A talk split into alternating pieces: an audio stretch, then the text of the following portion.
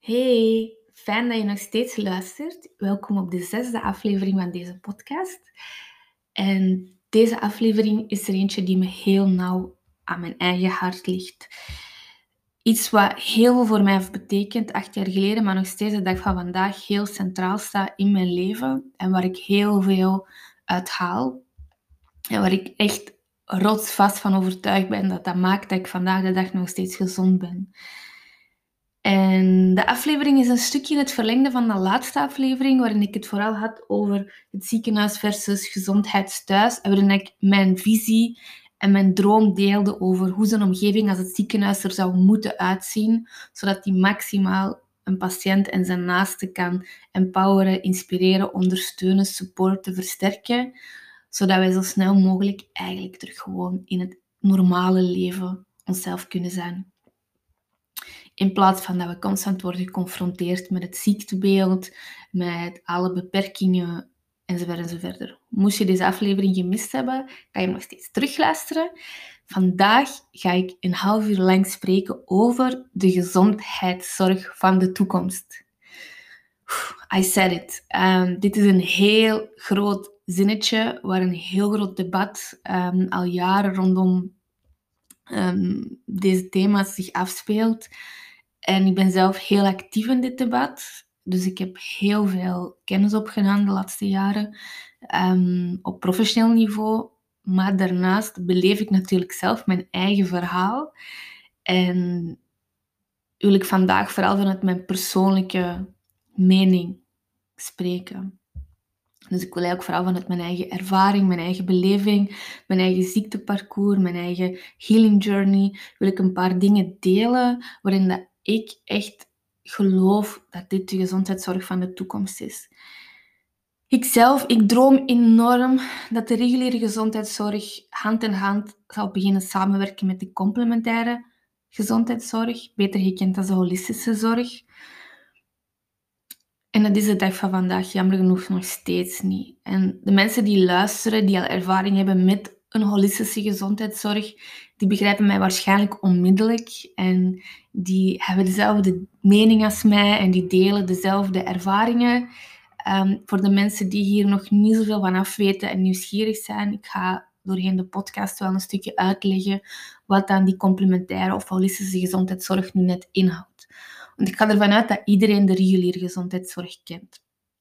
Nu, beide visies hebben hetzelfde doel en dat is mensen weer gezond maken. Dus dat is mooi. Ze hebben allebei hetzelfde doel.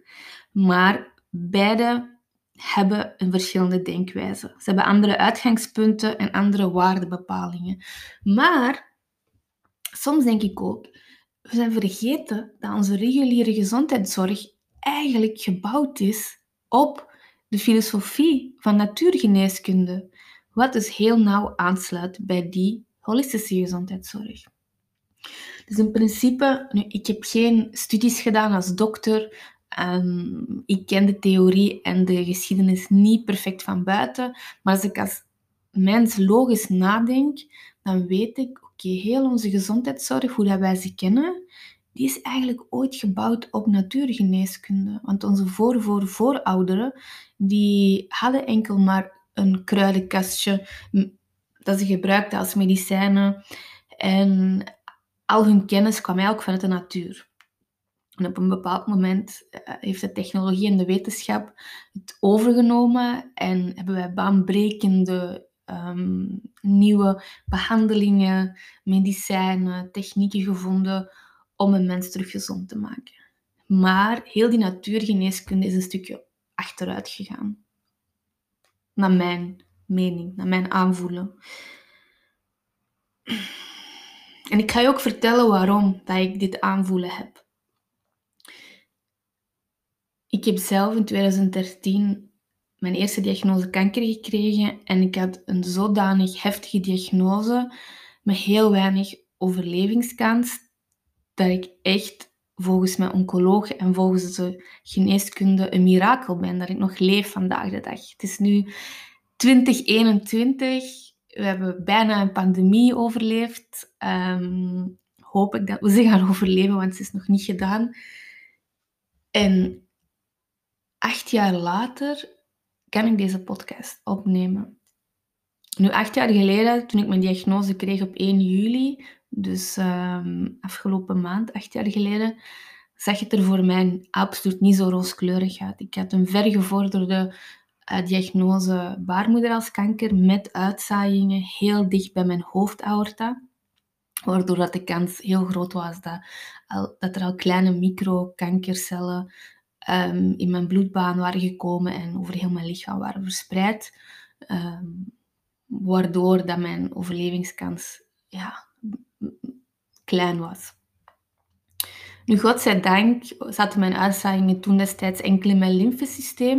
Nu, dat is nog steeds heel ernstig. Ik weet nog de dag um, dat ik mijn finale diagnose kreeg met de juiste scans, um, waarop ze eindelijk mijn behandelingsplan konden voorstellen. In eerste instantie dacht mijn oncoloog dat mijn uitzaaiingen al in mijn organen zaten. Maar ik had nog een MRI-scan nodig om de juiste positionering exact te kunnen zeggen. En wat bleek, ze zaten inderdaad heel dicht. Twee daarvan zaten heel dicht bij mijn organen.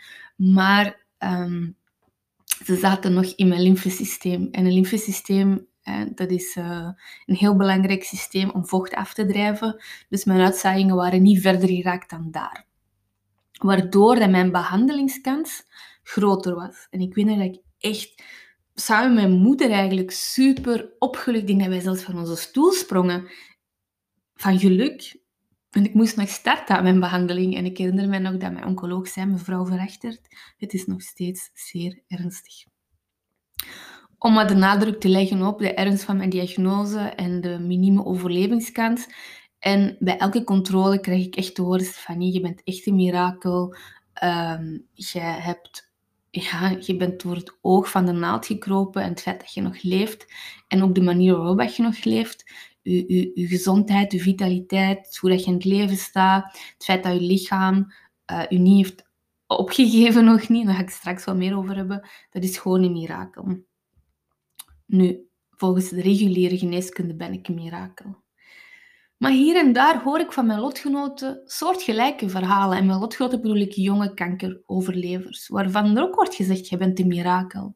Ik heb een lotgenoot die geen kinderen meer kon krijgen, um, waarvan men dacht bij controle dat ze een hormonale uh, tumor had ontwikkeld. Wat blijkt dat dat een kerngezond kind was van zes maanden oud, een mirakelkind. Um, ik gewoon een screenshot had gestuurd van het mailtje van haar oncoloog dat het kind een mirakel was. Ik wil maar zeggen, de wetenschap heeft het niet altijd bij het rechte eind. En dat is eigenlijk de mindset waarin ik ook in mijn behandeling ben gestapt. Ik wist dat ik een heel zwaar verdikt had. En ik wist dat mijn diagnose zeer ernstig was en vergevorderd. Maar ik wist ook dat mijn eigen mindset heel sterk was. En ook al kreeg ik maar 5 tot 10% max overlevingskans, wist ik, oké, die is van mij, die ga ik pakken. Daar ga ik alles voor doen om die te behalen, want ik wil leven. Ik weet dat dat was echt mijn enigste gevoel, mijn emotie. Ik heb een week gehuild, non-stop, omdat ik te horen had gekregen dat mijn uitzaaiingen mogelijk in mijn organen zaten. En ja, mm, dan, dan was het nog een ander verhaal, maar toch na die week kreeg ik te horen dat mijn uitzaaiingen in mijn lymfesysteem zaten en dat ze die mee in het behandelingsgebied konden behandelen. En toen dacht ik, oké, I got this. Dit kan ik. En volgens het boek Radicale Remissie van eh, Dr. Kelly A. Turner, een Amerikaanse, um, ben ik bij die lucky few die tegen alle verwachtingen in kanker heeft overleefd. Dat is een kei interessant boek, Radicale Remissie. Uh, het is vertaald van Engels naar het Nederlands. Je kunt het ook in het Engels kopen. Er is ook een documentaire over. Heal, heeft een tijdje op Netflix gestaan. Uh, maar Kelly is een zeer interessante vrouw. Die, uh, zij is eigenlijk een, onderzoeker en goh, ze is eigenlijk een stukje ja, in, in, in het onderzoek van radicale remissie overlevers um, die zich ging interviewen voor een heel andere opdracht, kwam ze eigenlijk tot de conclusie dat al die mensen een paar dingen gemeenschappelijk hadden. Dus tegen alle verwachtingen in hadden ze kanker overleefd. En ze zag dat al die mensen soortgelijke therapie hadden gevolgd, uh, behandelingsplannen hadden gevolgd. En niet in de reguliere gezondheidszorg, maar in de complementaire gezondheidszorg. Dus Daar wil ik het vandaag vooral over hebben, want ik heb het boek hier voor me liggen. Uh, het boek bedoel ik. En dit boek heb ik al een paar keer gelezen en wou ik ook heel graag een online cursus of programma rondgeven om mensen echt te motiveren, stimuleren en helpen in de negen speerpunten die een wezenlijk verschil kunnen maken in uw overleving. Maar meer hierover later. Nog heel even de feiten op een rijtje zetten. Wat is nu het verschil tussen reguliere gezondheidszorg en die complementaire holistische zorg? Kijk, de reguliere zorg die kijkt naar een klacht of een probleem en neemt het weg. Dus ik ben met een klacht gekomen. Ik had heel veel buikpijn, bloedingen, ehm, heel veel druk en heel veel onderrugpijn. En ik was heel moe, heel ziek. Ehm, en ik voelde me echt non-stop slecht. Dus ik had een klacht. Er werd naar gekeken. Ze vonden het probleem. Het was kanker en ze hebben het weggenomen. Dus de reguliere gezondheidszorg werkt voornamelijk curatief. Pas mijn probleem ga je naar de dokter. De dokter verwijst je door naar een ziekenhuis, naar een specialist. En die klacht of het probleem wordt onderzocht. Er wordt een diagnose gesteld en er wordt een middel ingezet, eh, een behandeling, om het probleem weg te nemen. Het is eigenlijk een één-op-één model. Dus de reguliere gezondheidszorg focust zich enkel op één deel van het lichaam. Dus in mijn geval hebben ze mijn kanker weggenomen door middel van chemobestraling.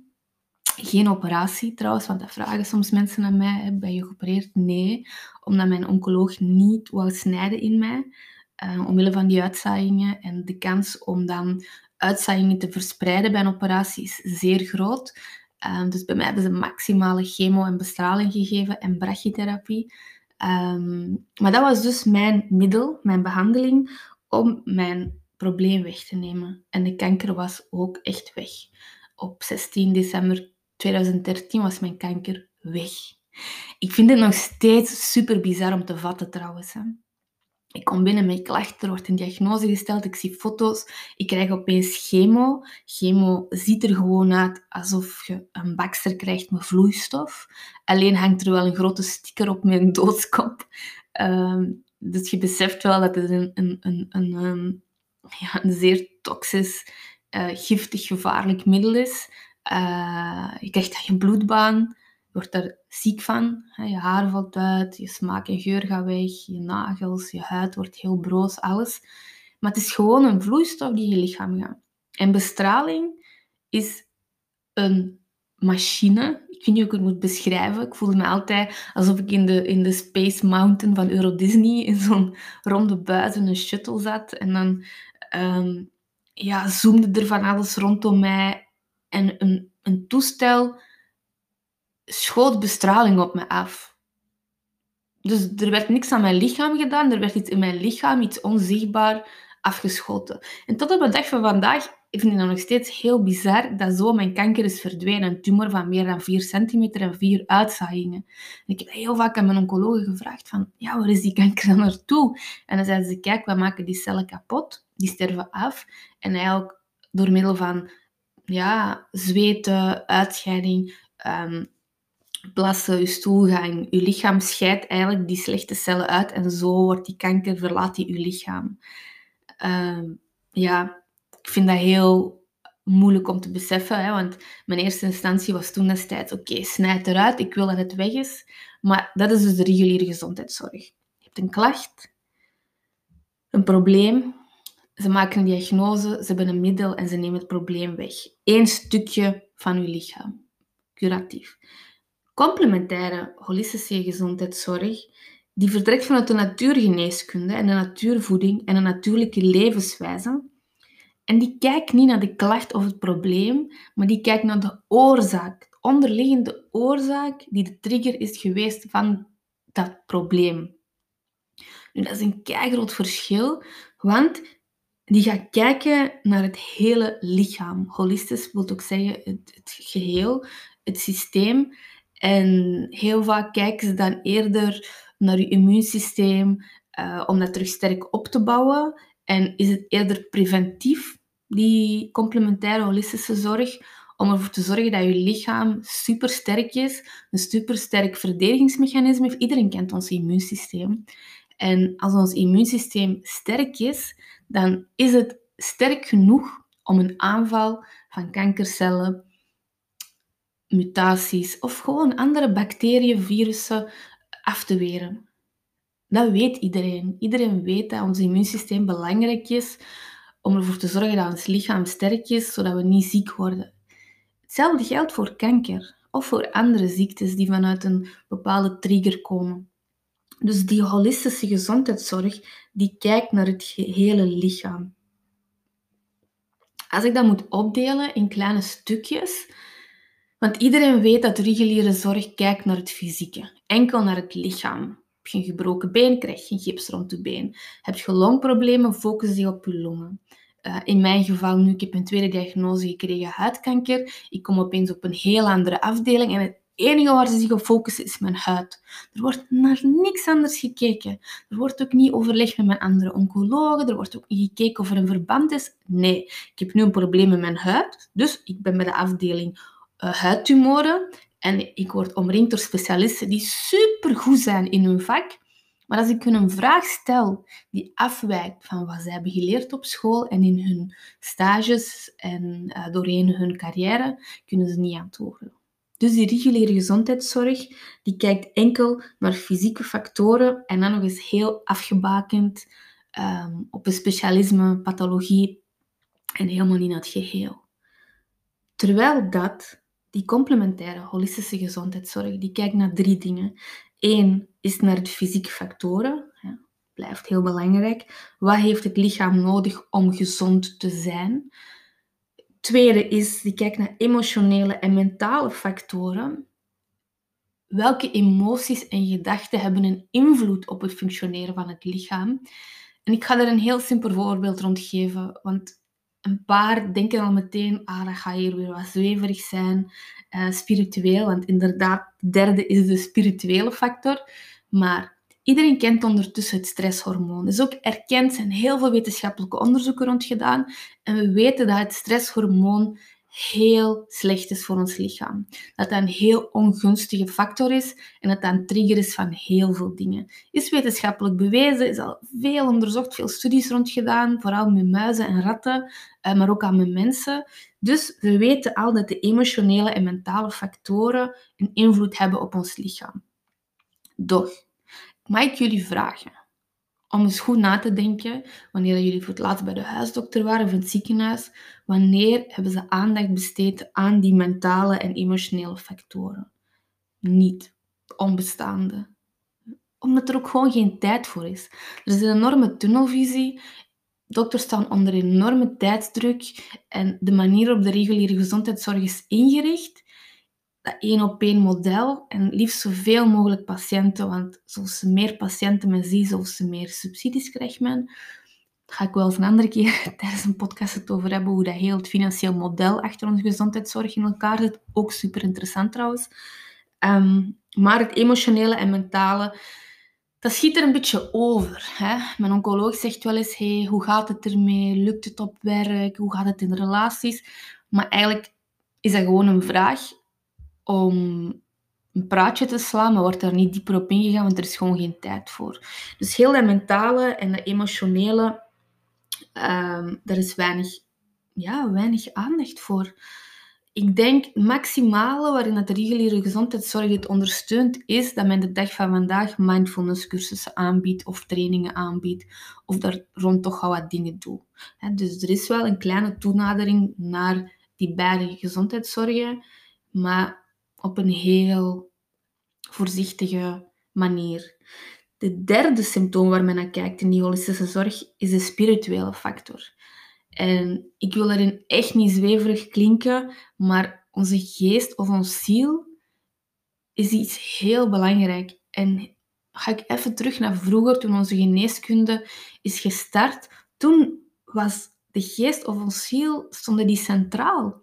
In die natuurgeneeskunde, die natuurlijke levenswijze, stond onze ziel centraal. Maar gaandeweg is die ook helemaal achteruitgeschoven en van ondergeschikt belang geworden. En wordt er eigenlijk onterecht heel vaak afgeschilderd als te zweverig, terwijl het absoluut niet zweverig is. Absoluut niet. Dus de symptomen waar men naar kijkt in holistische gezondheidszorg zijn de fysieke factoren, emotionele, mentale en spirituele factoren. Het team in de holistische zorg kan bestaan uit gezondheidstherapeuten, voedingsconsulenten, energetische therapeuten, homeopaten, acupunctuur. Wauw, dit is een moeilijk woordje. Dokters die acupunctuur doen. Creatief ermee omgaan. Maar osteopaten, um, psychotherapeuten, we kennen ze eigenlijk allemaal. En de therapieën die zij toepassen, die kennen wij ook. Meditatie, reflexologie, reiki, kruidengeneeskunde, um, orthomoleculaire voedingstherapie heeft heel veel populariteit gewonnen de laatste jaren. Uh, ozontherapie, wat ik zelf ook doe. Dus dat is het team en dat zijn de therapieën die in de holistische zorg naar voren komen. Nu, ikzelf, om even terug te komen op die radicale remissie, toen mijn behandeling was afgerond in het ziekenhuis, um, stopte het voor mij. Dus ik heb zes maanden lang een zeer intensieve behandeling gekregen en het, uh, het zat erop. De deur ging dicht en ik ging van een heel strak programma, waar ik zes maanden lang elke dag werd geleefd en waar ik ja, een, een, een, een dagelijkse planning had van onder de scan liggen, onder de bestralingstoestel liggen, een chemodosis krijgen, um, enzovoort enzoverder, ging ik naar niks meer. En terwijl ik in het ziekenhuis lag, kwam er wel eens een diëtist, een seksoloog, een psycholoog. Maar bij het einde van mijn behandeling zat het er ook echt op en werd er gezegd: Succes met jouw leven, Stefanie. Wij hebben de kanker weggenomen. U mag het ziekenhuis verlaten. Ah ja, en ik mocht om de drie maanden terugkomen. Enkel voor die controle om te zien of het probleem wegbleef. Enkel voor hun. Want dan ging ik onder de scanner, namen ze bloed en zolang als het probleem niet terugkwam, hadden zij geen reden om in te grijpen. Maar om een heel concreet voorbeeld aan te geven waarin ik echt geloof dat dit niet de juiste manier is. De meeste mensen tijdens de chemo krijgen bloed bij, omdat hun rode bloedcellen zodanig laag staan, hun witte bloedcellen staan zodanig laag en die zijn gewoon nodig om te leven. En die chemo valt natuurlijk onze gezonde bloedcellen aan. Um, ik zelf ik heb nooit bloed moeten bijkrijgen. Mijn bloedwaarde daalde wekelijks, maar ik bleef constant net op het randje. Dus gaat dat in zijn werk? Uh, als je het ziekenhuis binnenkomt en je hebt de chemokuur die dag, dan wordt er eerst uh, je bloed genomen. Je gewicht wordt gemeten, gewegen, gewogen. Wauw. Je gewicht wordt gewogen, je wordt gemeten. En op basis van um, de criteria of, of, of op basis van ja, hoeveel je die dag weegt en hoe groot dat je bent en de waarde van je bloedcellen, wordt je persoonlijke chemococktail samengesteld. Het is heel persoonlijk. Natuurlijk bevatten die dezelfde componenten, maar ik maak de de cocktail zelf niet, maar um, heel vaak gebeurt het dat er een chemo moet worden uitgesteld omdat bloedwaarden niet goed zijn of er moet eerst bloed worden gegeven en dan pas kan de chemo toegepast worden. Nu, in mijn geval heb ik nooit geen bloed gekregen, maar tijdens mijn laatste chemokuur stonden mijn witte bloedcellen net onder het toegelaten gemiddelde. En dan hebben ze besloten om me geen bloed bij te geven, maar dan werd er mij voorgesteld om een soort synthetische spuit te krijgen, een soort synthetische witte bloedcellen, um, om mijn witte bloedcellen naar boven te krikken. Ik heb ondertussen al heel veel boeken gelezen samen met mama over holistische geneeskunde en hoe kan je immuunsysteem zo snel mogelijk boosten en uh, wat kan je nu zelf doen na een kankerbehandeling. En ik heb die synthetische spuit Ehm, netjes geweigerd, ook omdat die 600 euro kostte en uh, die werd niet terugbetaald, dus ook financieel was gewoon te duur. Maar ik heb onmiddellijk eigenlijk een uh, holistische arts ingeschakeld na mijn behandeling om aan hem te vragen, kan jij mijn immuunsysteem en mijn lichaam zo snel mogelijk terug aansterken?